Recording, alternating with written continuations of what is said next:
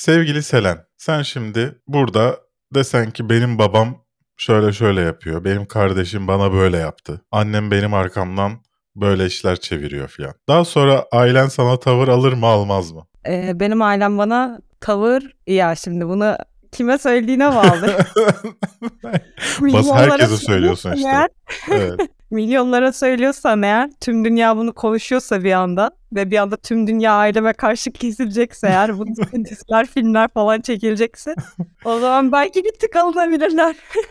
Valla Harry ve Meghan'ın meselesi devam ediyor. Yakında biliyorsun belgeselleri çıktı. Şimdi Harry'nin kitabı çıktı. Yani kitapta da sürdürüyor çakmayı e, kraliyet ailesine ve kişisel hedefler seçip saldırıyor. Hatta şöyle bir şey de oldu. Öncesinde kitabın içinde olacağı şeyler ol- olacağı söylenen şeyler oldu.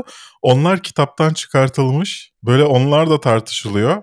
Ne beklersin? İşte Harry ve Meghan çıktı. İşte bizi böyle yaptılar, şöyle yaptılar, çok kötü falan dedi. Ne bekliyorsun? Halk destek verecek değil mi? Harry'nin Evet. kitabından ve belgeselinden sonra halk desteği %14 düşmüş. Sence bunun nedeni ne olabilir? belki çok fazla çok fazla mağdur oynadıkları için olabilir mi? Oynadıkları için olabilir. ya bir de Yani zenginler. hı, Bunu yapmak için para alıyorlar. ya şikayet edebilecekleri bir durumları yokken bir de üstüne böyle bir ortalığı karıştırıp para kazanıyorlar de olduğu için herhalde. Evet. Ya düşün şikayet ettiğin şu nasıl olabilir ya? Ya kendi hayatında şöyle bir şey hayal et. İşte güvenlik görevlin var. Sana bunu kraliyet ailesi vermiş. İşte seni korumakla görevli. Sonra pandemi oluyor. Diyorlar ki biz bu güvenlikleri geri çekiyoruz. Sen zaten artık ailenin bir parçası değilsin. Çıktın aileden kendi isteğinle. Senin de derdin şu. Ya Kanada'da bir gölün ortasında bir adada yaşıyorum. E, güvenliğim çekilecek 21 gün sonra. ne yapacağım ben? Pandemide kimseyi de bulamam. Yani mağdur olduğun şey bu olursa sen kimseyle bağ kuramazsın ki. Yani evet çok relatable olmuyor tabii. Evet. Zengin zengin e, şeyleri bunlar sorunları. evet. Hoş geldin Seren. Ne yaptın? Ne yapayım Berk'cim? Az önce konuştuk. Keşke onları kaydettim.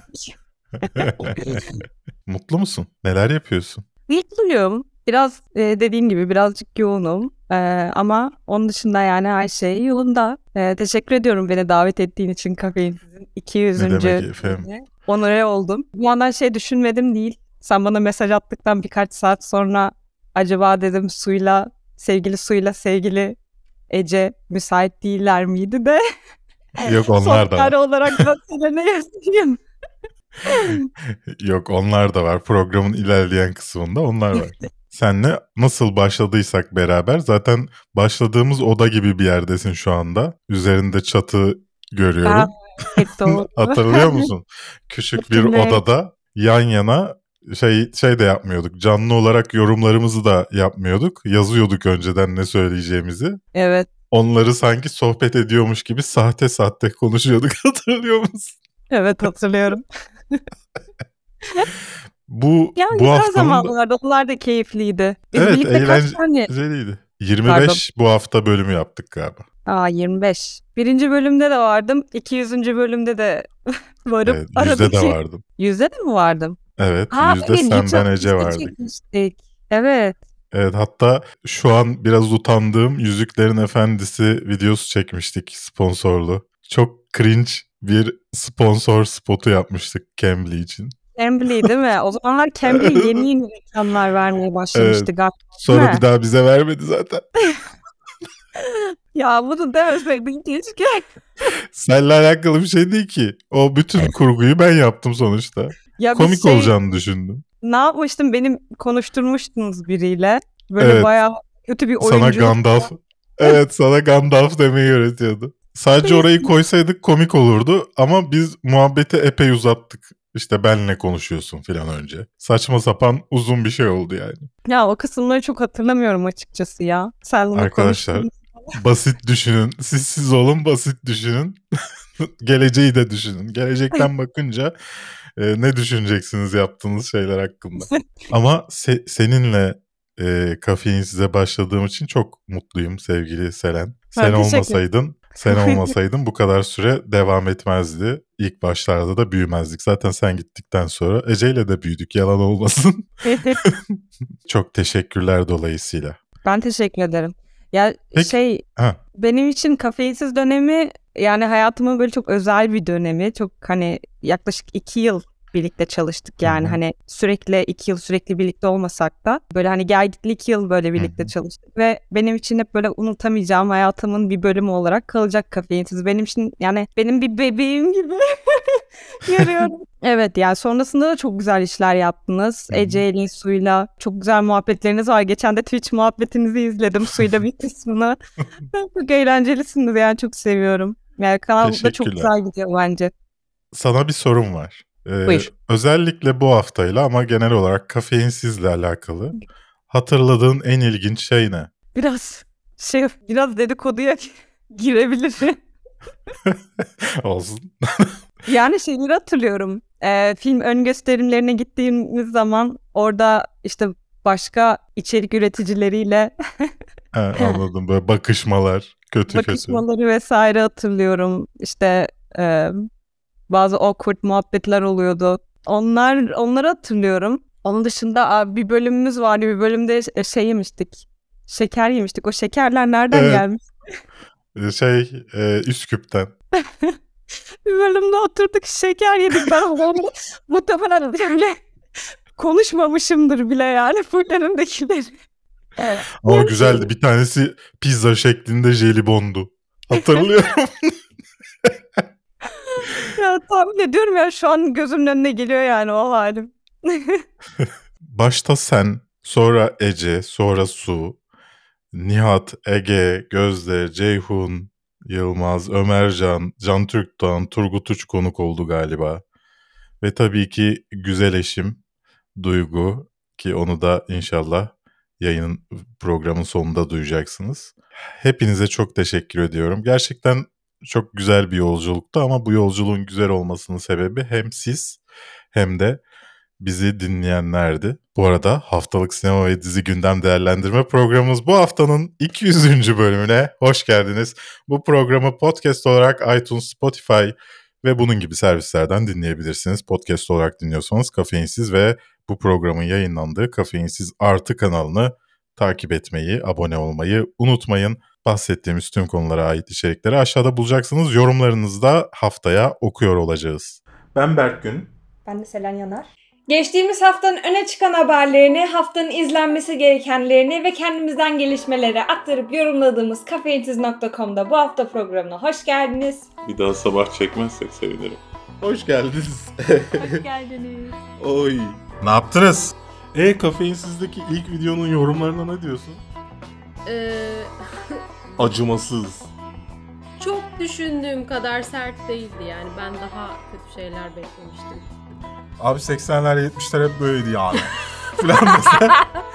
Bir bölümün daha sonuna geldik. Bu kadar mı soru? Evet. Ha tamam. Ne isterdin? Ne cevaplamak istiyordun? İçinden hani bu sorulmadı ben buna cevap vermek iste- istiyorum diye düşündüğün bir şey var mı? Hayır. Yok. Neyse arkadaşlar. Geek yapar düşüşte mi? Bu Neden konu hep buraya Neyse. geliyor ya? Evet böyleydi. Suyla beraber karşınızdayız efendim. Ee, uzun bir aradan sonra. Ne yap? Sürekli bir ekipmanından uyarı sesi geliyor ya. Konu sayısını azalttık. Dolayısıyla Ben- evet, benim içimdeki bazı şeyleri dökmem Belki gerek. şikayetlerine daha çok yer açabilmek için konu sayısını azalttık.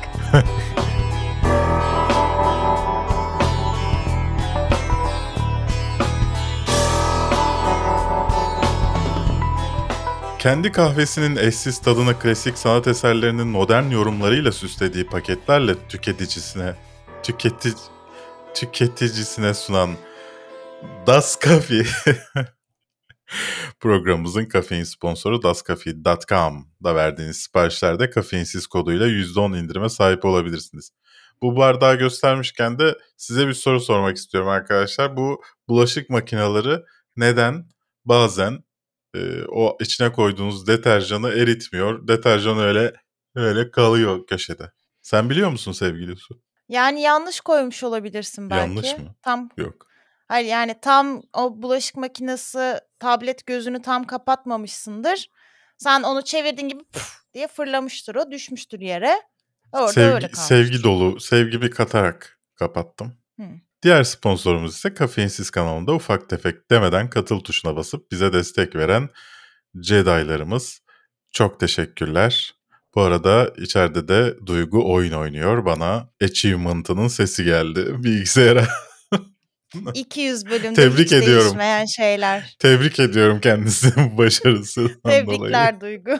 Ne düşünüyorsun 200. bölüm ya? Valla evet ya nasıl geçti anlamadım ki ben mesela şey diye düşünüyordum. Yani Berk 200 bölümdür böyle bir şey yapıyor ama ben zaten çok az bir kısmındayım. Hani böyle. Nedense 88 kendimi- bölümde varsın. Evet yani neredeyse yarısında varmışım. Ee, o yüzden çok gururlandım. En uzun süre bu haftada sana eşlik eden kişi olarak gururluyum. Ben böyle Pişman mısın aynı böyle... zamanda? Yo değilim. Hayır. Yani kah güldük kah ağladık. Güzel şeyler de yaşadık. Hüzünlü acı şeyler de yaşadık. Kötü fragmanlar da izledik. iyi fragmanlar da izledik. Kimi geldi Lütü'ye sinirlendik. Kimi geldi ödüllere sevindik. Dolayısıyla bence dolu dolu geçirdik belki bu süreyi birlikte. Çok teşekkürler öncelikle benimle beraber bu programın parçası olduğun için. Ben şeylere bakarken hani eski programlara bakarken ben şey düşünmüştüm. İşte kafeinsiz de çok izlenmiyor artık. O yüzden Hı hı. kafeinsiz artıda yapalım. Baktım yani 2-3 program dışında hepsi 6000 7000'in üzerinde izlenmiş. Buraya buraya koyduk 2000 izleniyorlar.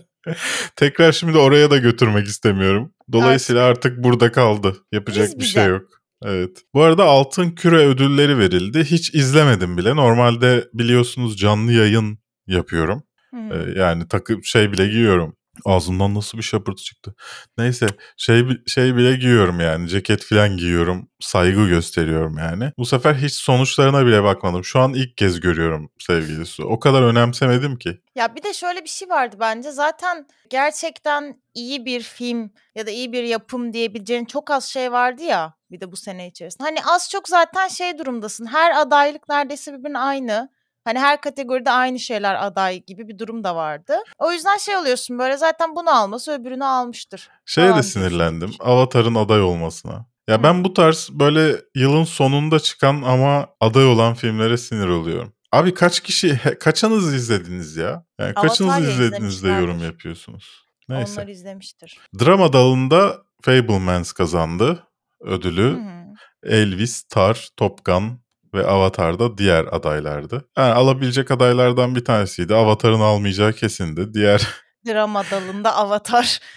Gerçekten Elvis. çok doğru bir kategori. Elvis de çok iyiydi ama bence şansı yoktu. Tar ve Top Gun alabilirdi Fablesman, Fablemans dışında. Ee, iyi Ama bir tercih. yani bence Fablesman mantıklı çünkü sinemaya bir böyle bir aşk mektubu gibi bir film ya birazcık. Evet. Evet. Hani Spielberg'in otobiyografik yapımı o yüzden çok mantıklı yani Spielberg'ü aslında yüceltmek Hı o. hı. Banshees of Inisherin ödül aldı müzikal komedi dalında. Ya bu müzikal komediyle dramı çok seviyorum. Yani daha fazla kişiyi oraya çağırmak için daha önce de bundan bahsetmiştik işte. Daha fazla ünlü ismi isimle tanışalım diye e, Altın Küre'nin organizasyonu. Babylon Everything Everywhere All at Once, Glass Onion. Bu nasıl aday mesela? Gerçekten anlayamıyorum yani. Ve Triangle of Sadness diğer adaylardı. Dizide House of the Dragon aldı. Better Call Saul, The Crown, Ozark ve Severance da diğer adaylardı. Diğer adaylar da çok iyi. Evet. House of the Dragon da çok iyiydi. Dolayısıyla hani tartışılacak bir şey yok. Benim anlamadım. Mesela Better Call Saul'cular sürekli abi Better Call Saul nasıl almaz? Hiçbir ödül alamadı şu ana kadar falan diye böyle bir tribe girmişler. House of the Dragon nasıl alır? Abi yani sadece kendi üzerinizden değerlendirmemek lazım bunu. Yani House of the mesela Better Call Saul Altın Küre e, ödüllerinde ödül veren yaşlı gazetecileri ilgisini çeken bir dizi miydi? Böyle kendinize bu soruyu sorarsanız neden House of the Dragon'ın ödül aldığını anlayabilirsiniz. Unutmayın her ödül töreni jürisi kadardır. Evet. Bir de şöyle düşünmek lazım. Mesela Better Call Saul çok konuşulan bir dizi değil. Evet. Bütün dünyada. Yani Hı. dolayısıyla kendisi izlememiş olsa bile House of the Dragon'ın çok konuşulduğunu, çok sevildiğini biliyor adam. Gidip ona oy- vermiştir. Komedide Abbott Ele- Elementary, The Bear, Hacks, Only Murders in the Building ve Wednesday adaydı. Wednesday alamazdı. Abbott Elementary burada tek izlemediğim şey o ödül almış. Sen hiç bak baktın mı? Ben de hiç izlemedim. Hiçbir bilgim yok yani. Yapacak bir şey yok. O zaman bu konu hakkında yorum yapamıyoruz. Kevin Costner Yellowstone'la ödül aldı. En iyi Limited The White Lotus'a gitti tahmin edildiği gibi. Evet. Dahmer'in ödül almamasına çok sevindim ben. Kötü olduğundan değil de ne bileyim. E, Şey şeyde aldı ama Evan Peters aldı onunla. Yok yani en iyi iyi Ha almadı. ha ha. Ha evet. Evan Peters dediğin gibi en iyi oyuncu ödülünü aldı. Burada başka alabilecek birisi de yoktu ya. O, o alırdı yani. Adaylar Taron Egerton'dı Blackbird'le, Colin Firth'ti The Staircase'le, Andrew Garfield de Under the Banner of Heaven'la ki alamaz. Sebastian Stan'di Pam and Tommy ile. Belki Sebastian Stan de alabilirdi. O da iyiydi. Ama yani tüm bunların arasında yine aslında en kendini gösteren ve oyunculuğu öne çıkan aslında bence Evan Peters yani hak etti o çocuk gerçekten Hı hı. o ödülü. Evet. En iyi kadın oyuncu ödülünü ise Amanda ablamız aldı The Dropout'la. Soyadını bir türlü doğru söyleyemediğim için Amanda ablamız Safe diyerek Ride. geçiyorum. Bu arada Amanda aklınızda Safe bulunsun. Ben birisine ablamız ya da abimiz diyorsam ya soyadını unutmuşumdur ya ismini unutmuşumdur ya da söyleyemiyorumdur. O yüzden 200. bölümde benim hakkımda bir şey öğrendiniz. Jessica Chastain, Julia Garner, Lily James ve Julia Robertson arasından sıyrılarak aldı. Hak etti. Bence çok iyi oynuyordu. Şey ödül aldı. Spielberg ödül aldı Fableman's'de. O da çok normal bir ödül. Belki Martin McDonagh da alabilirdi. The Banshees of Inisherin'le. Yazık oldu Bu ona biraz. yönetmenlik için diyorsun ama şey yani o Amerikan sineması aşkı hani nostalji orada biraz Ya evet var. tabii ama Ben She's o- of Inisherin de çok iyiydi yönetmenlikte. Martin abimize de yazar en iyi senaryo ödülü vermişler. Oradan çıkarmışlar. Argentina ödül aldı İngilizce olmayan en iyi filmde. Burada Hı hı. All Quiet on the Western Front da alabilirdi bence. Biraz aradaydı benim için en azından. Hı. Tarın ödülü alacağını tahmin ediyorduk. Oyuncu dalında aldı. Julia Garner Ozark'la aldı. Ya şey gibi Ozark'a bir ödül vermek istemişler gibi hissettim ben. Ya Julia Garner çok iyi bir oyuncu bence. Ozark'ta da çok iyi. Ama bu se- bu sezonda yani bilemiyorum. Yardımcı oyuncu olarak almış ödülü. Bence yardımcı oyuncu değil bu arada. Julia Garner Ozark'ta başrol oyuncusu. Ama neyse. Tabii ki Zendaya'ya ödül vermeden geçmemişler sevgili Su. Hak Elvis'i ediyor, oynayan hak ediyor. Austin Butler'a da ödül vermeden geçmemişler ki hak ediyordu. Yani Evet. başkasının o kadar iyi canlandırabileceğini düşünemiyorum ben. Onu söylemeden geçmeyeyim. Guillermo del Toro'nun Pinokyo'su ödül almış. Karıştırmayın. Guillermo del Toro'nun Pinokyo'su ödül aldı. Pinokyo'su. E, Michelle Yeoh da e, Everything Everywhere All at Everywhere, Once'la. All at Gözümden Once. kaçırdığım bir ödül, ödül var mı bilmiyorum ama genel olarak ödüller fena değildi yani. Yani zaten işte yani birinde alması öbüründe aldığı için hiç kimse şey olmadı. Ya bu nasıl Evet. ödül almadan gider ya da bu bunu hak ediyordu olmadı yani. Babylon bu hafta girdiği için onu izlemedik tabii ki biz. Evet. E, ama övülüyor orada gidenler. Ben de yerildiğini duydum hep. Bilmiyorum benim arkadaşım izledi işte şey diyordu hani bir sinemaya bir ağıt gibi bir şey söyledi kendisi. Bu arada bu sene de herkes de sinemaya bir mektup, bir ağıt, bir bir şeyler. Bu ara bir sinemanın şahlandırıldığı bir dönem oldu. Ya şey ya pandemide sinemaya gidilemedi ya o yüzdendir Ya da belki. böyle yaşlanan yönetmen direkt sinemaya ağıt çakıyor artık. Kişisel hikayesi Olabilir. bitmiş anlatacak.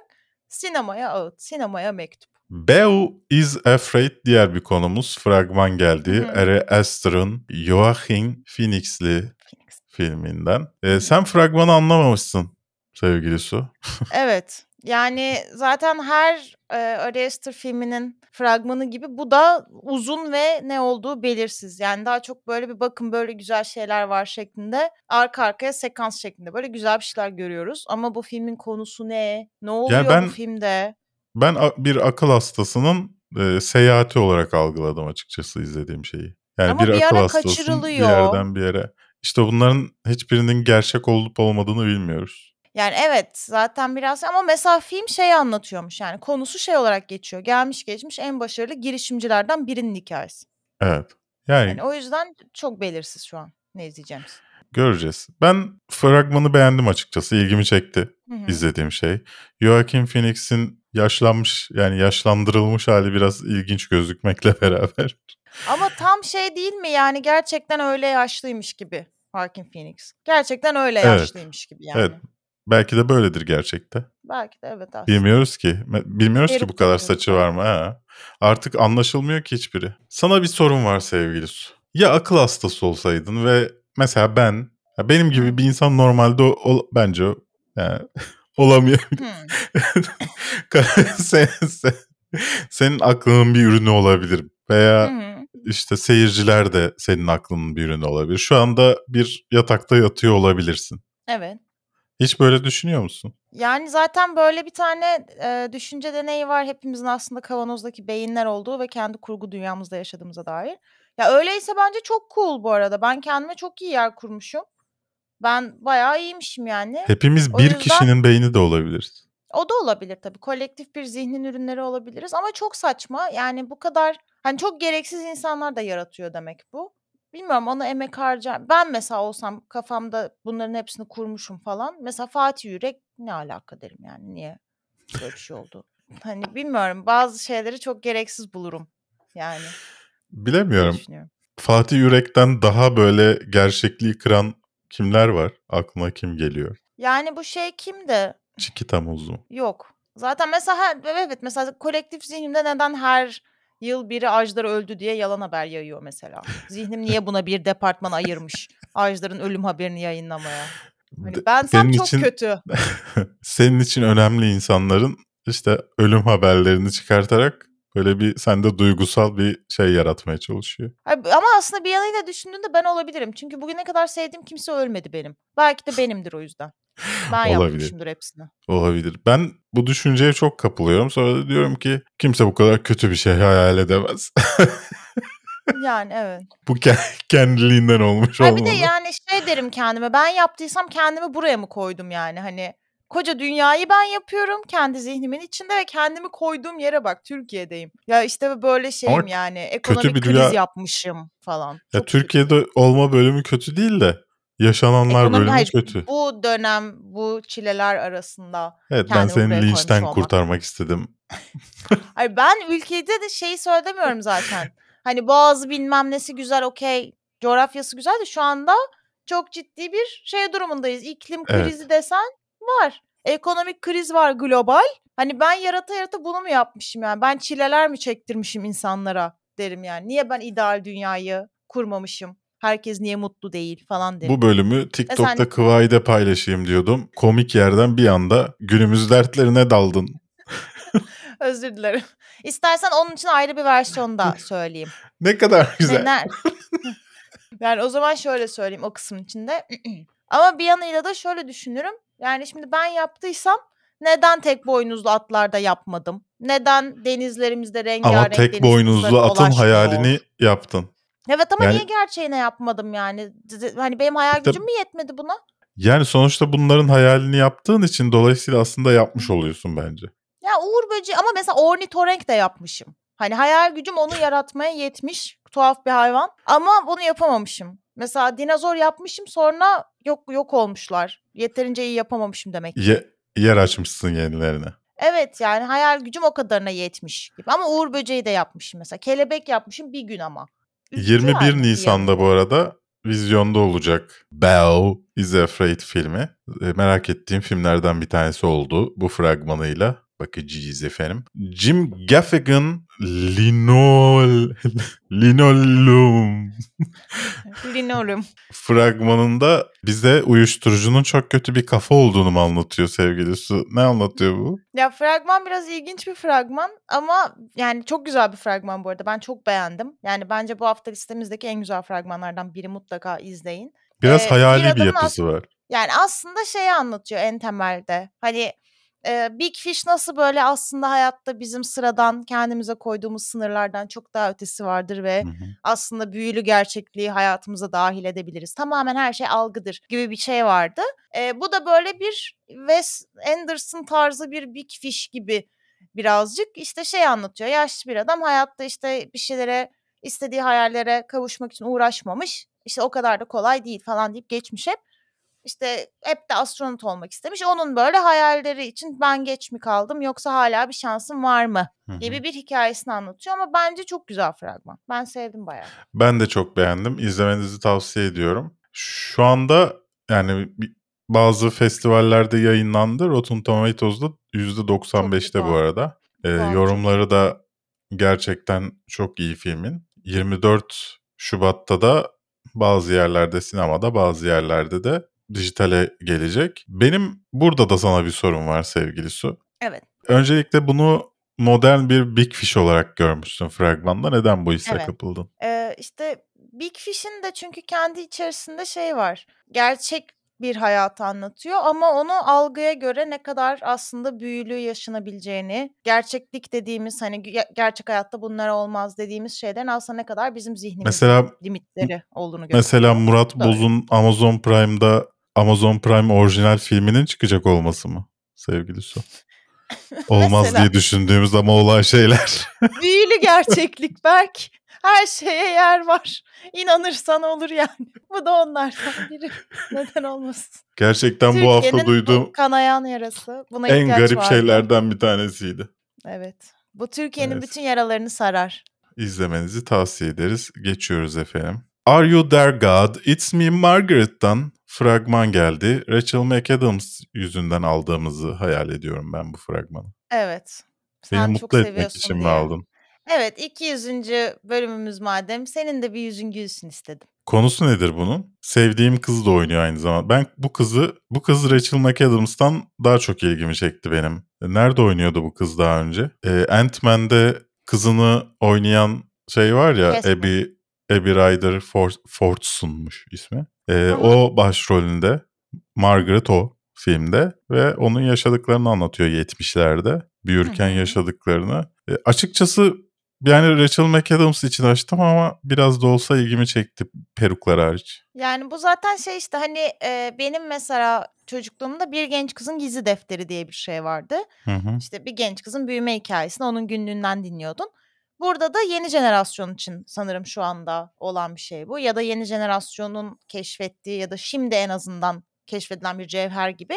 Margaret diye bir kızın kurgusal günlüğünü zaten kitap serisiymiş bu. Hı hı. Filme uyarlamaya karar vermişler. İşte bir büyüme hikayesi geçmişten gelen. Tatlı görünüyor, sevimli görünüyor bayağı. Fena gözükmüyor. Yeni ne eklenebilir sadece ben ondan emin değilim. Çünkü e, zaten o yüzden o döneme 70'lerde ait geçiyor. Ama işte o döneme ait zaten çok fazla coming of age hikayesi yok mu? Yani Var. çok fazla var. Bir de o dönemde herhalde herkes aynı şeyi mi yapıyordu? Ne oluyordu bilmiyorum.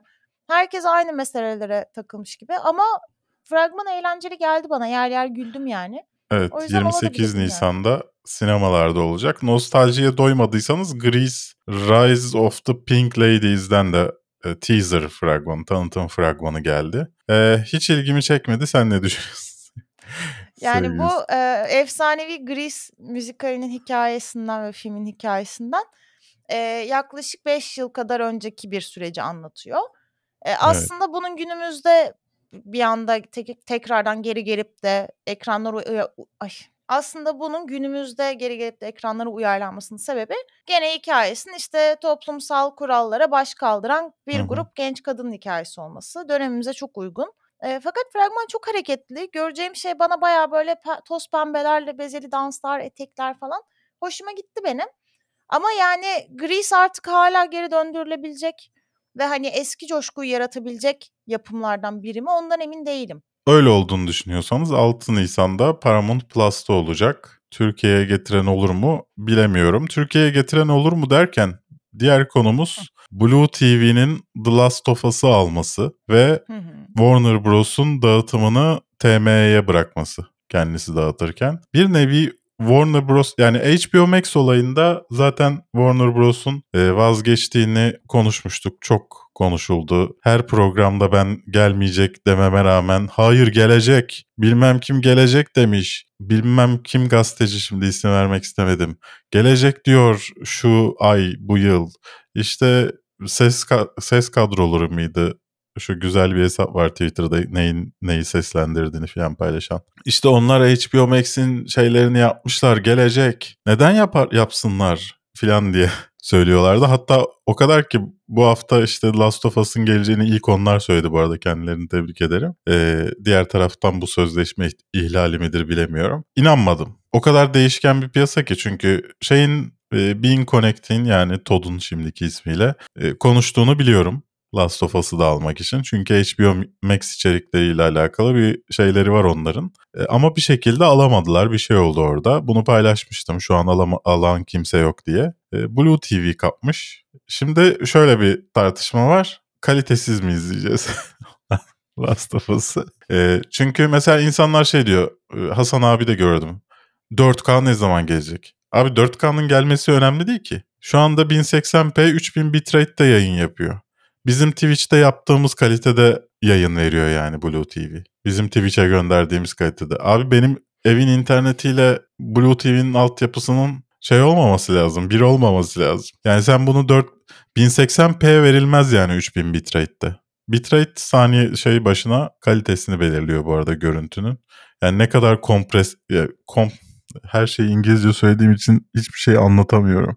Düşük kalitede 1080p gönderiyor yani televizyonunuza. Bunun 4K olup yine düşük kalitede olmasının hiçbir önemi yok ki. Dolayısıyla ilk önce bu kalitelere bakalım. Mubi'de de eleştirdiğim şey benim oydu. Siyahların siyah olamaması gibi problemler ortaya çıkıyor. Neyse Warner Bros. Türkiye'den dağıtım ayağından da çekilmiş. TM'ye bırakmış. Zaten Sony'yi bırakmıştı. Çok ilginç geldi açıkçası bana.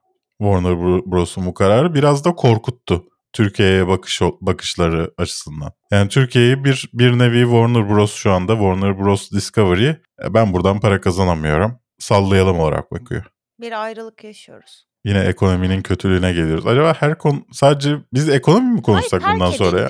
Ben burada gayet romantik bir ilişkinin sonuymuş gibi ele aldım. Sen direkt orada duygusuz duygusuz ekonomiye bağladın. Biz burada bir ayrılık Çok yaşadık. özür dilerim sevgili Su. Warner Bros. Sana geçmiş olsun.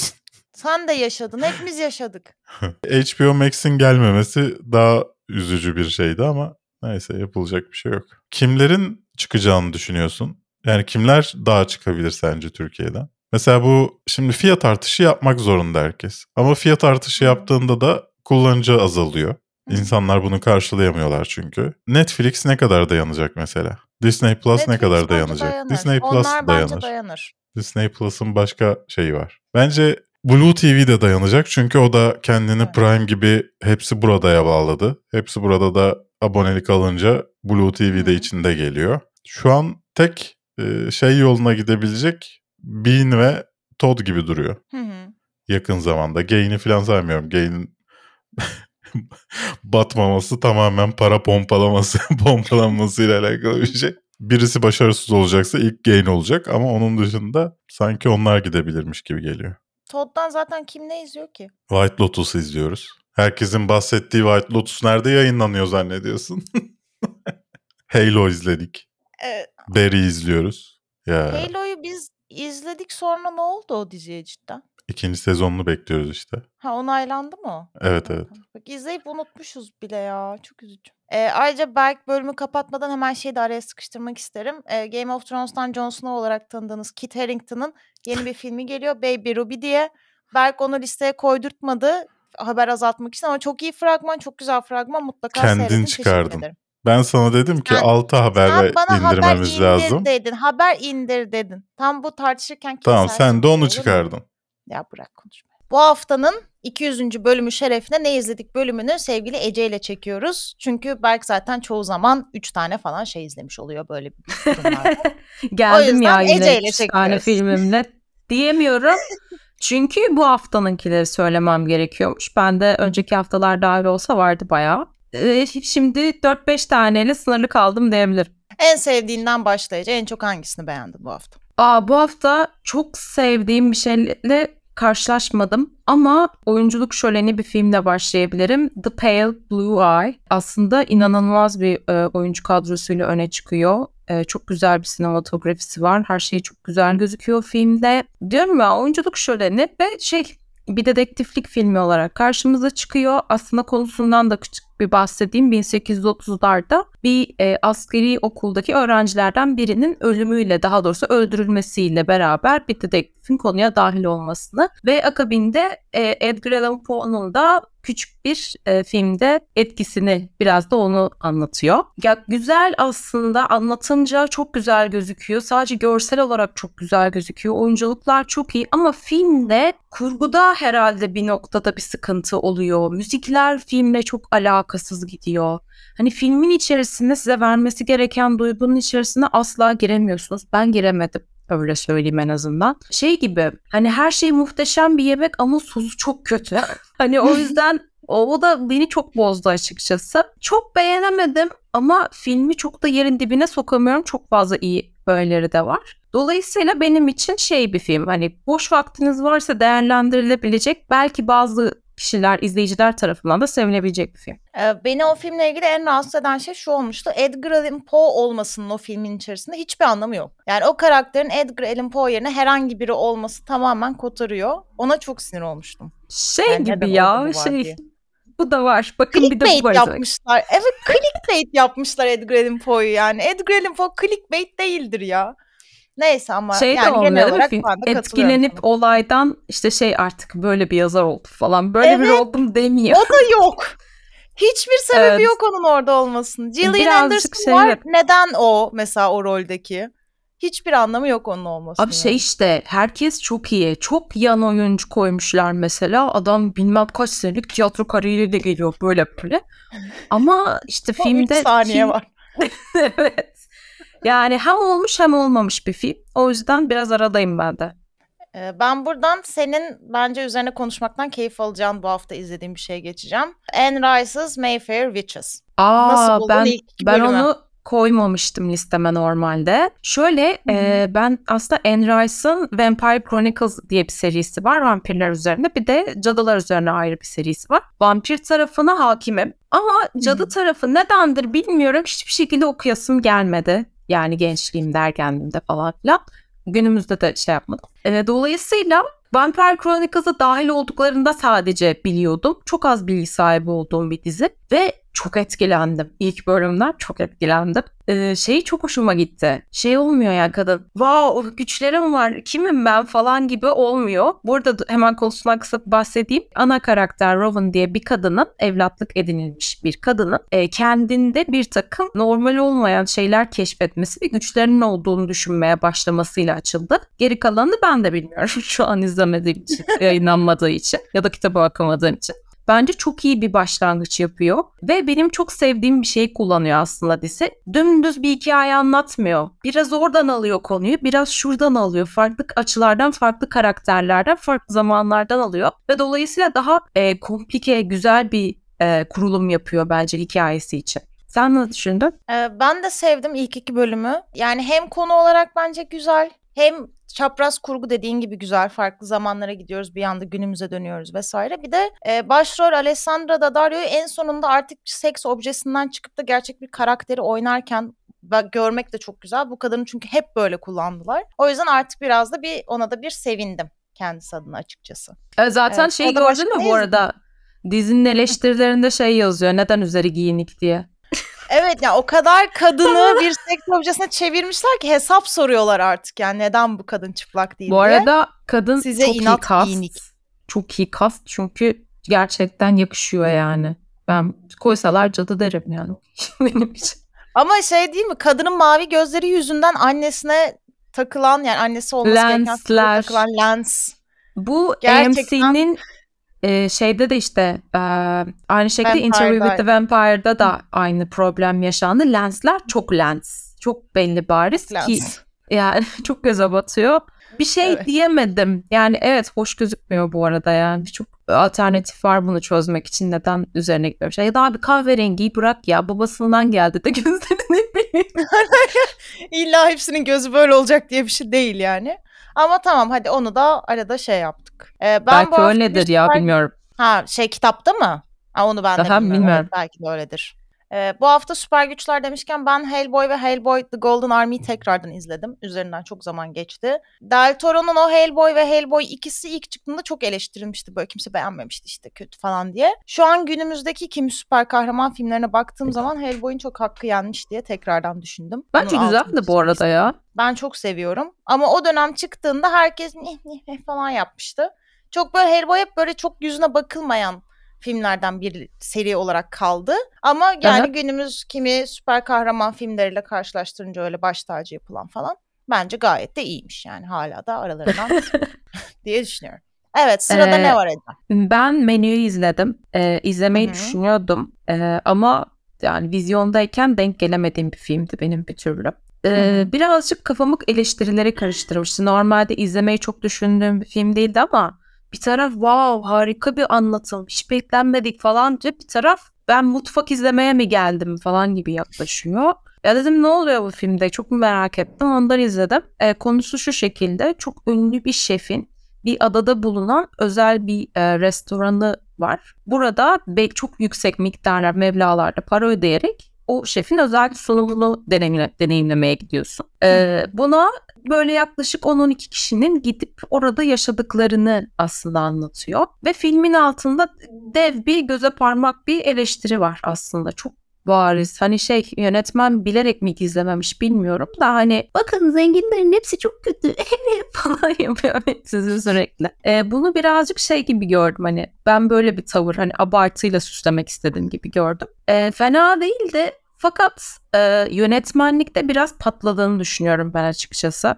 Yani nasıl bir kurgu yapılır, kamera nasıl olmalı, nerede durmalı, nasıl çekmeli, hangi sahne geçişler nasıl olmalı gibi biraz karıştırmış gibiydi yönetmen bence. Çok teknik bilgim olmadan söylüyorum bunu bu arada. E, oyunculuklar çok başarılı değildi bence. Düşüktü hatta yani. Biraz batıyordu göze. Ve filmin başından başını izliyorsunuz ve sonu tahmin ediyorsunuz. Bir gizem unsuru yok içerisinde. Fakat bir yandan da size bir gizem varmış gibi gösteriliyor. Diğer bir yandan korku filmi gibi sunuldu. Yani şimdi korku öneri olan bir film olarak sunuldu. Yok ama yani o açıdan çok beğenemedim. Benim için yine orta hali bir film olarak kaldı. Dediğim gibi boş vaktiniz varsa izleyebilirsiniz. Ben de menü hakkında hemen hemen aynı şeyleri düşünüyorum. Yani oyunculukların yine sana göre, senin fikrine göre bir tık daha iyi olduğunu düşündüm ben. Ancak genel olarak hani amaçladığı şeyi çok da yapamadığını düşünüyorum. Bu sene özellikle sinemamızda böyle bir zenginlere bir çakalım tarzı filmler çok fazla var. Böyle bir zengin eleştirisi. Fakat yani mesela The Triangle of Sadness'ın bunu daha iyi bir şekilde yaptığını düşünüyorum. Evet, evet. Aynı döneme denk gelmeleri The Menu için biraz talihsizlik oldu aslında. Ee, kendi içinde iyi bir film. Bence de vaktiniz varsa izleyebilirsiniz. Ben bu hafta da Silent Twins'i seyrettim. Ee, başrolünde bizim aşı karşıtı Wakanda ablamızın olduğu, Letitia Wright'ın yer aldığı bir Antivax. Evet. yani ve böyle şey yani filmin aslında konusu çok güzel. Ee, June ve Jennifer adlı gerçekten bu hayatta yaşayan iki tane kardeş var ve bunlar sadece birbirleriyle konuşmaya başlıyorlar bir noktadan sonra. Ve Broadmoor ünlü İngiliz akıl hastanesi Broadmoor'a falan kapatılıyorlar. 11 yıl mı ne kalıyorlar. Sonra çıkıp fantastik edebiyat yazarı oluyorlar. Yani aslında çok çok, ilginç iyi. bir hayat hikayesi var. Bu iki kardeşin ve bunu işliyor yani bunların hayat hikayesini. Fakat filmin kurgusu sürekli kopuyor. Hikayesi ilerlemiyor. Oyunculuklar birbirini toparlayabilecek gibi olsa da çoğu zaman kardeşler arasındaki ilişki dinamiği "E, bu geçen sahnede böyleyse niye şu anda böyle oldu falan gibi şeylerle seni sorguluyor birazcık. Yani çok böyle şey bir film değil. Ee, hani ben tutkuyla bunu izlerim başından sonuna durdurmadan diyeceğiniz bir film değil. Ancak hikayesi çok ilginç. Temaları güzel. Bir de hayal gücüyle gerçeği çok güzel bir şekilde ayırabiliyor sadece kurgu yoluyla. Yani neyin şu anda bir hayal gücünün ürünü olduğunu size aktarmaya çalıştığını, neyin gerçek hayatta yaşadıkları şey olduğunu çok güzel veriyor bence kurguyla. Ee, o yüzden sırf bu deneyim için tavsiye edebilirim ben. Ece. Biraz da kötü şeylerden bahsedelim. Witcher. Blood Origin'de izledim. Blood Origin'i izledim pardon. Hı hı. Ama şöyle izledim. Ya düşünüyordum aslında izlemeyi Witcher'la alakalı olduğu için ama hani abi o kadar düşük ki puanları. Hani dedim ki ne oldu burada ya gerçekten ne yaşandı? Çok kötü yani. Ve ben hani sıfırla yani puanımı sıfırla başlattığım için diziyi o kadar rahatsız etmedi beni. şöyle İyi anlatayım. Ee, şöyle aslında Witcher evreninde ilk Witcher'ın aslında nasıl e, ya origin storiesini anlatıyor. Onu kökenleniyor. İlk Witcher'ın doğuşu falan gibi yani. Hı hı. Ve aslında e, bu Witcher evreninde yaşanılan yerlerin, ülkelerin, işte imparatorlukların nasıl hal değiştirdiğini, işte elflerin yaşadığı bir ortamda insanların nasıl dahil olduğunu vesaire gibi konuları çok güzel açıklıyor aslında ama e, şey gibi e, Zeyna izliyormuşsunuz gibi açıklıyor. Yani böyle 90'lar oyunculuğu, 90'lar pratik efektleriyle falan böyle her şey açıklanıyor. Öyle olunca bir tık şey hissediyorsunuz hani şey diyorum ya gerçekten oyuncu bunu ciddiye alarak oynuyormuş acaba falan gibi hissettirdi bana. Ya şey değil de ya Michelle Yeoh falan var. Çok üzüldüm ben bu arada. Kadrosu da çok kötü değildi. Ee, ama şey gibi izleyin. Yani gözünüzü kapatın ve deyin ki ben Witcher'ı çok seviyorum. Bu evreni çok seviyorum ve ben bu evreni anlamak istiyorum. Bana lore bilgisi lazım diyorsanız izleyin. 4 bölüm falan zaten. Çok kısa sürüyor.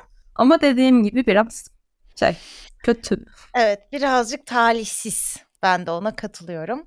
Ee, ben bu hafta EO'yu izledim. Bir eşeğin gözünden yani bir eşeğin dünyadaki yolculuğu gibi bir hikaye aslında. Çok ve iyi ya harika bir şey. Çok gerçekten çok güzel bir film ve hani böyle anlatınca belki saçma geliyor izleyenler için hani bir eşeğin yolculuğu deyince ama gerçekten ortalıkta dolaşan bir eşek var ve iyi insanlara rastlıyor, kötü insanlara rastlıyor, başına bir şeyler geliyor ve aslında hayattaki genel bir deneyimi aktarıyor size. Yani bir anda şansının dönmesi, işte başına gelen talihsizlikler, iyi şeyler fakat o hep böyle bir objektif göz olarak devam ediyor hayata. Bence çok güzel bir filmdi. Yani sırf böyle ben kötü anlattım diye izlememezlik etmeyin. Eğer denk gelirseniz imkanınız olursa mutlaka izleyin ve zaman ayırın diye düşünüyorum. Ben Bonzenol'u izledim. Ee, yani çok ilgimi çekmiyordu başta ama e, trailerı falan fena değildi izleyeyim dedim. Öncelikle ne anlatıyor? Ee, iki kanibalistin aşk hikayesini anlatıyor. Yani niye böyle bir aşk hikayesi anlatırsın falan diye düşündüm birazcık. Ve kitap uyarlaması galiba yanlış hatırlamıyorsam. Ee, şöyle ki e, film güzel açılıyor. E, fena işlemiyor bir yere kadar, yarısına kadar diyebilirim. Sonrasında acayip lame bir aşk hikayesine dönüşüyor. Yani eğer sevmiyorsanız romantik filmde içiniz gıcıklatırsın böyle rahatsız olursunuz muhtemelen. Ve e, yani karakterlerin insan yiyor olmasının hikayeye bir etkisi yok. Sadece bir aşk hikayesini böyle sunarsak izlenebilir olur demek istemişler herhalde. Çünkü hiçbir şey olmuyor. Etkisi farkı olmuyor. Çok beğenmedim. Yani çok da tavsiye etmem ya. Yani çok efektleri de çok kötüydü. Yani böyle şey gibi sakız yiyorlarmış gibi falan gözüküyor yani çok hoş da değil Tatsız. yani. Aynen. Ee, Ben bu hafta beğendiğim bir şey daha izledim. Brian and Charles diye bir filme denk geldim. Bunun çok fazla konuşulduğunu duymadım. Hatta neredeyse hiç duymadım. Ama bence herkesin izlemesi gereken çok tatlı bir film. Ee, böyle kendi hani küçük bir banliyöde yaşayan bir adamın işte bulduğu her şeyden belirli icatlar yapabilmek gibi bir yeteneği var, zekası var. Kendine robot bir arkadaş yapıyor. Aslında bu Kemal Sunal'ın Fatma Girik'le oynadığı dümdüz robotlu filmin birazcık benzeri. Kendine bir arkadaş kuruyor bir robot parçalarından ama parçalar çok saçma. Yani robotun göbeği böyle gövdesi bulaşık makinesi falan gibi saçma böyle bir Oha. robot dizaynı var. Ve yapay zeka ile robot benlik kazanıyor ve bununla tartışıyor. İşte hani arabanın ön koltuğuna ben oturacağım falan gibi saçma bir hani bağımsızlık kazanma hikayesi ve bence mizahı çok yerinde. Yani böyle daha İngiliz mizahı seviyorsanız bence hepinizin sevebileceği bir film. Ben çok eğlendim izlerken ve çok belli yani pandemi döneminde biri oturmuş ve bunu düşünmüş ve yazmış. Yani o kadar bir pandemi dönemi filmi ki bu o kadar pandemi dönemi yalnızlığı ki e, ben çok sevdim. Yani keşke daha çok insan izlese ve üzerine konuşsak isterim ben. Tavsiye de ederim. Benim son izlediğim aslında e, Guillermo del Toro'nun Pinokyo'su. E, ödül aldı sanırsam o da Golden Globe'da. Hı hı. E, yani Pinokyo arkadaşlar çok hikayesinden bahsedemeyeceğim. Beni bir tek şey e, çok güzel bu arada yapımı, anlatımı vesaire çok hoşuma gitti. Benim bir tek kafamda uyduramadığım şey Pinokyo'nun hikayesi bu değildi diye hatırlıyorum. Hı hı. Benim bildiğim, hatırladığım, okuduğum Pinokyo ile alakasız bir hikaye anlatılıyor. Yanlışsam beni düzeltirsiniz ama yani hikayeyi sevemedim. Hikayenin ilerleyişini de sevemedim. Di noktaları hiç sevemedim. Sonunu hele hiç sevemedim. Şey oldum, o ne alaka falan dedim. Yani çok gereksiz elementler vardı. Hikayeyi biraz bozduğunu düşünüyorum. Onun dışında seyir zevki olarak çok iyi. Ben onu beğenmiştim. Daha böyle bir şey gibi gelmişti bana. Hani Del Toro'nun Pinokyo hani Pinokyo çünkü daha şey ya böyle bir e, söz dinlemeye ve itaat etmeye ve hani aslında söz dinlersen güvende olursun tadında bir aslında şey var yani kulağınıza küpe Aa, olsun hikayesi. iyi bir Burada daha çocuk. böyle bir Evet hani burada daha bir böyle bir toplumun normlarına uymayalım ve özgürlüğümüzü, bağımsızlığımızı kazanalım diye gibi bir tema gelmiş. Ben mesela ağladım falan. Yani ki ben Berk değilim. Ben normalde filmlerde ağlamam. Ama ben bile ağladım. Benim son izlediğim şey de Where is Anne Frank diye bir animasyondu. Ee, Anne Ve- Frank'i biliyorsunuz Nazilerin insanlık suçu işlediğine dair e, bütün kanıtlarla cümleyi kuramadım. Anne Frank'i biliyorsunuz Nazilerin işlediği insanlık suçunun en büyük kurbanlarından bir tanesi. Günlüğü elimize ulaşmış küçük bir kız. Ee, ve o günlüğünde yarattığı da bir kurgusal arkadaşı var. Bir kız çocuğun hikayesini anlatıyor kendi günlüğünde de. Bu animasyonda o kız çocuğunun hikayesini anlatıyor. Onun Anne Frank'i ararkenki yolculuğunu, işte kendini keşfetmesini, kendi hikayesini yazmasını anlatıyor. Bence çok tatlı bir animasyon ama çok duygu yüklü bir animasyon. Yani ağlıyorsunuz, üzülüyorsunuz, perişan oluyorsunuz. Ve tarihin böyle silinen kimi trajedilerinin bu gibi işlerle bize unutturulmamasında ben açıkçası doğru buluyorum. Çünkü çok hızlı unutabiliyoruz özellikle böyle dijital bir çağda. O yüzden bu animasyonu da mutlaka izleyin diye ben tavsiye ediyorum. Senin de bitti mi Ece? Başka bir şey var mıydı? Bitti. Bitti. Değil mi? Heh. 200. bölümümüzde Ece ile ne izledik bölümünü yapabildiğimiz için çok mutluyuz. Nice Ben nicelerine diyelim. zaten yüzde de vardım diye hatırlarım. Şimdi lapsam beni yanıltmıyorsa ben bayağıdır şeyde böyle aralarda tazeliyorum böyle şey üyeliğimi tazeliyorum de kaydalıyorum tekrar geliyorum Ben de bazı noktalar. e ben de buradayım selam falan gibi. E, ya ben 200'e yetişmek için e, kendi işimi biraz zorladım bugün. E, güzel bir şey. Bu kadar e, bu kadar videoyu çıkarabilmek öyle ya da böyle. Berk'in sürekli ben kapatıp gidecek gideceğim sızlanmaları, kanalı kaptırması, kapatıyorum yeni kanal açıyorum o. Onlara rağmen bu kafeinsiz başarısıdır gerçekten. ne batire Bir kere, bir kere hacklendik de. Onu da unuttum. Bir kere E, aynen hacklendik onu diyorum kanal kanal gitti. Ha, Bambaşka bir kaptı. şey oldu yani. Şey çok iyiydi ya. kanal gitti abi. yani çok şey atlattı. O yüzden e, yani nice yüzlere e, ben bu dilekte bulunmama gerek yokmuş gibi geliyor yani. Bu kadar bu kadar şeye dayandıysa 300'ü 400'ü görür. Adı belki değişir. Ama, Evet ama görür 300'ünde yani. de inşallah hepimizin daha da güzel hayatları olmuş olur. Ve yine bir videoda tekrardan buluşuruz. Aynen böyle koştur koştur şey ya da böyle şeyde hep beraber falan gibi.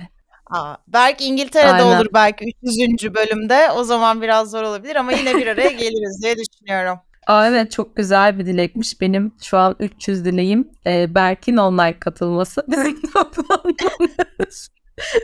Ece sen bu haftanın tam 50 bölümünde vardın. Aklında Of, kalan böyle ya. bir şunu da iyi ki yaşadım, şu da ne ilginç dediğin ne var? ya bir şey söyleyeyim mi? En çok isyan ettiğim şey var. Bizim böyle saatlerce çekiyor oluşumuz bunu gerçekten. Onun böyle ya yayınlanıyor bir buçuk saat belki iki saat bir şey çıkıyor ortaya. O sırada biz böyle çile çekiyoruz. Böyle video çekmeye başladığımızda gündüz hava kararıyor falan böyle. Asla videolar bitmiyor.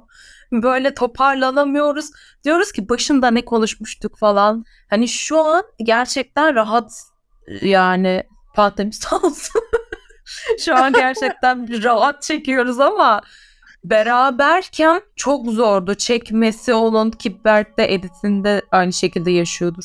Benim için de sanırım her yani şöyle birkaç bölüm oldu bizim bu tüm sürecimiz boyunca. ilk başta stüdyodaydık. Sonra ekranlar üzerinden işte evlerden çekmeye başladık pandemi yüzünden. Sonrasında öyle devam ettik falan ve bu süreçte kaybolan bölümlerimiz oldu. Yani yiten bölümlerimiz oldu. Kaydedildi, kaydedilsin diye bekledik. Bir baktık Evet. kaydedilmedi. Sayfa yenilendi, yok oldu o bir saatlik çekimler. Hep o kaybolan çekimler hep en güzelleriydi. Kaçırdınız. Favorim, favorim mesela biz bir an yaşıyoruz. Bu çok oldu bu arada. Böyle bir şey anlatıyoruz ama çok güzel denk geliyor laf. Böyle konuşuyoruz, konuşuyoruz, konuşuyoruz. Berk de ki kaydetmemiş. Abi biz aynı heyecanla söylediklerimizi bir daha söylemeye çalışıyoruz ve mesela orada doğal olarak Berk mesela bir espri yapmış, gülmüşüz. Hani komikmiş düşün yani. gülmüşüz. Şey diyor, aynısını yapacağım. Allah Allah. Hani böyle Gene şey gül. gibi oluyor. Muhtemelen videonun bazı yerlerinde biz anlamsız gülüyor mu düşük gülüyor falan gözüküyoruzdur. Oralar mesela bir daha çekilmiş halleri falan. Soru yorum bölümüne geçiyoruz. Ece'ye teşekkürler geldiyse gelmediyse arada bir boşluk göreceksiniz. Ee, kendi, e, kendisini kınamanızı rica ederim. Ne yapacağız bilmiyorum o bölümü. Hani Ece gelmezse o bölüm Biz yaparız olmayacak. Berk gene. Ne yapalım Neyse, biz yaparız bakarız. yani. Murat Dedeoğlu demiş ki abi bu sene yılın en iyi dizileri filmleri gibisinden videolar gelmeyecek sanırım gelecek. Dizi şeyimi neredeyse tamamladım. Bugün suya ya da yarın sabah suya gönderirim. Sonra da pazar çekip yayınlarım. 5 dakika önce 2 aydır bu hesap bir şey paylaşmıyor. Takibi bıraksam mı acaba dedikten sonra bu paylaşımın gelmesi demiş Ela. Halbuki bir ay İki ay oldu. olmadı ya. E, Formeta bence Bond zenci olmalı hatta trans zenci cüce olmalı demiş. Furkan da Ben karşı değilim. Furkan da ha ha ha ne komik demiş. Kendi, kendi içinizde bu basit tartışma çok hoşuma gitti benim. Kötü bir yere de varmamış yani güldürdü. Yusuf 200. bölümde özel bir şey olsun demiş. İnşallah olacaktır. Yani şu anda sadece biz kaydediyoruz ama normalde bunun 4 kişi olacak. Göreceğiz Bakalım. bakalım, kısmet. Eray Berkgün köylüdür demiş. Evet köylüyüm. Ne var? Bakırköylüyüm.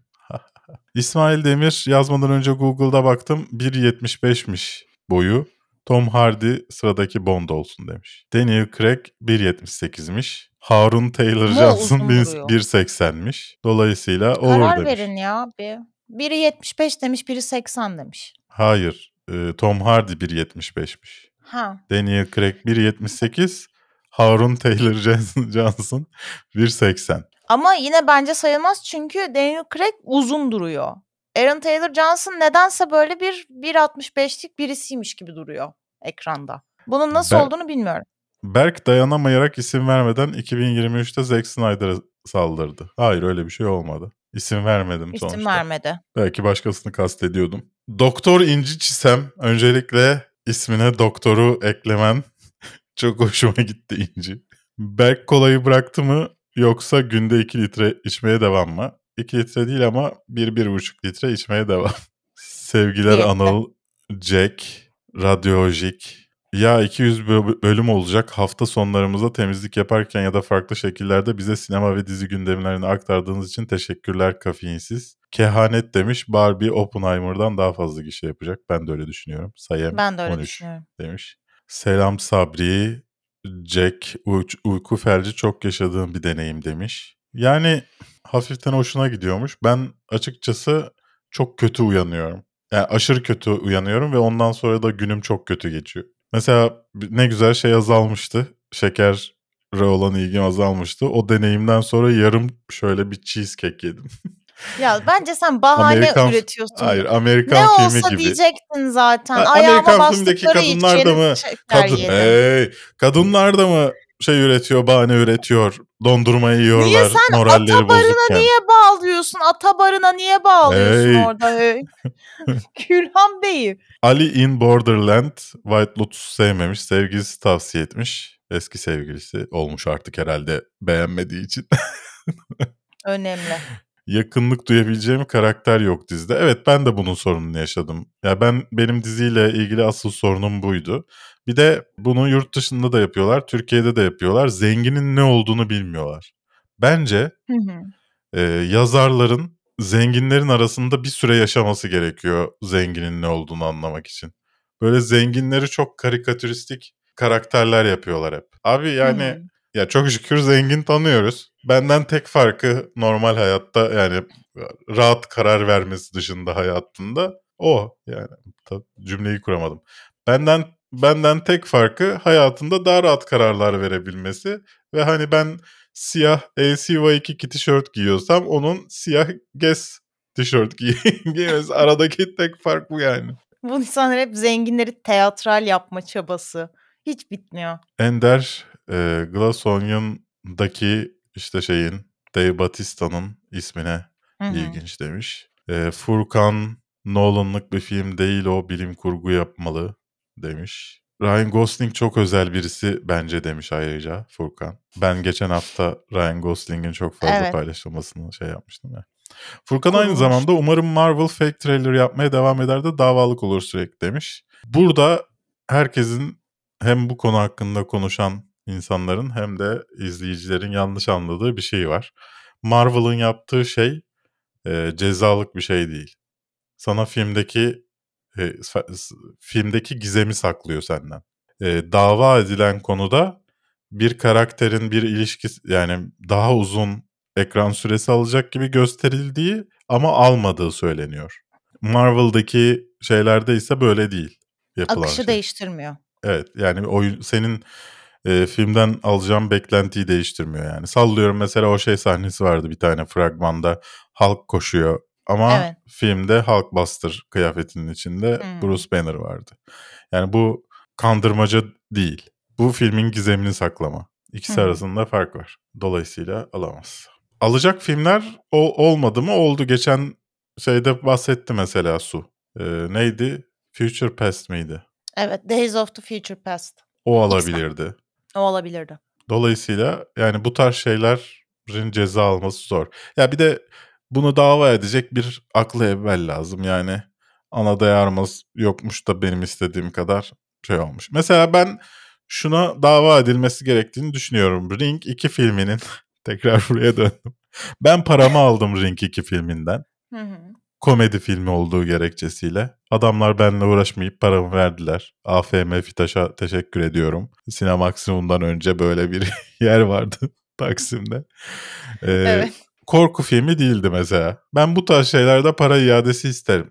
Yani komedi filmiyken korku filmi diyor kendine. Bu tarz şeyler de olabilir. Love Glove'a e, The Bad Batch'i tavsiye eden Hakan Hakan Hakan Çamlıbele Aslı. Kürkçü, Mücahit, Caner, Murat'la, Mert Yavuz ve Ufuk Karakılıç'a çok teşekkürler. Sevgili Duygu Hanım, hala yılbaşı ağacının kalkmaması neyi amaçlamaktadır? Ee, bu sene çok geç kurduğumuz için ben Mart ayına kadar toplamayı düşünmüyorum açıkçası. Ee, bazıları kıskanan insanlar buna üşengeçlik diyebilir tabii ki. Parasını verdik, biraz daha sergileyelim diyor- diyorsunuz. Kesinlikle. Çok haklısınız Berk Bey. Keşke aynı evde yaşasak. Ne kadar da benzer düşünüyoruz. Keşke.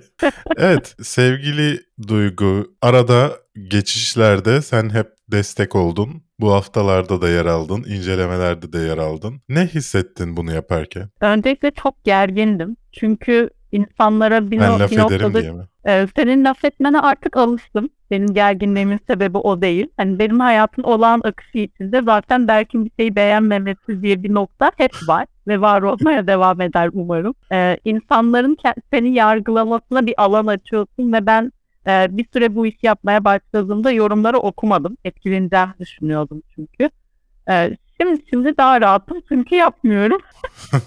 Eskiden bu haftaları izlerdin sevgili Duygu. Neden artık izlemiyorsun? Yani şimdi burada şunu düzeltmek istiyorum ki ben hala bu haftaları izliyorum. Ee, Ama ilk 10 uyurken dakikasından sonra evet uykuya daldığım için ilk 10 dakika e, o hafta konuşacağım konular hakkında genel bilgi verdiğim her alanda dinliyorum. Yani genel bir fikrim var bu haftalarda. Ya ben de şey merak ediyordum. Hani belki senden alabiliriz neden izlenmelerin düştüğü konusunda bilgi diye düşünüyordum. Çünkü sen eskiden izlerdin ve bana sorular sorardın. Mesela bir şey söylediysem onunla alakalı bir şey söylerdin.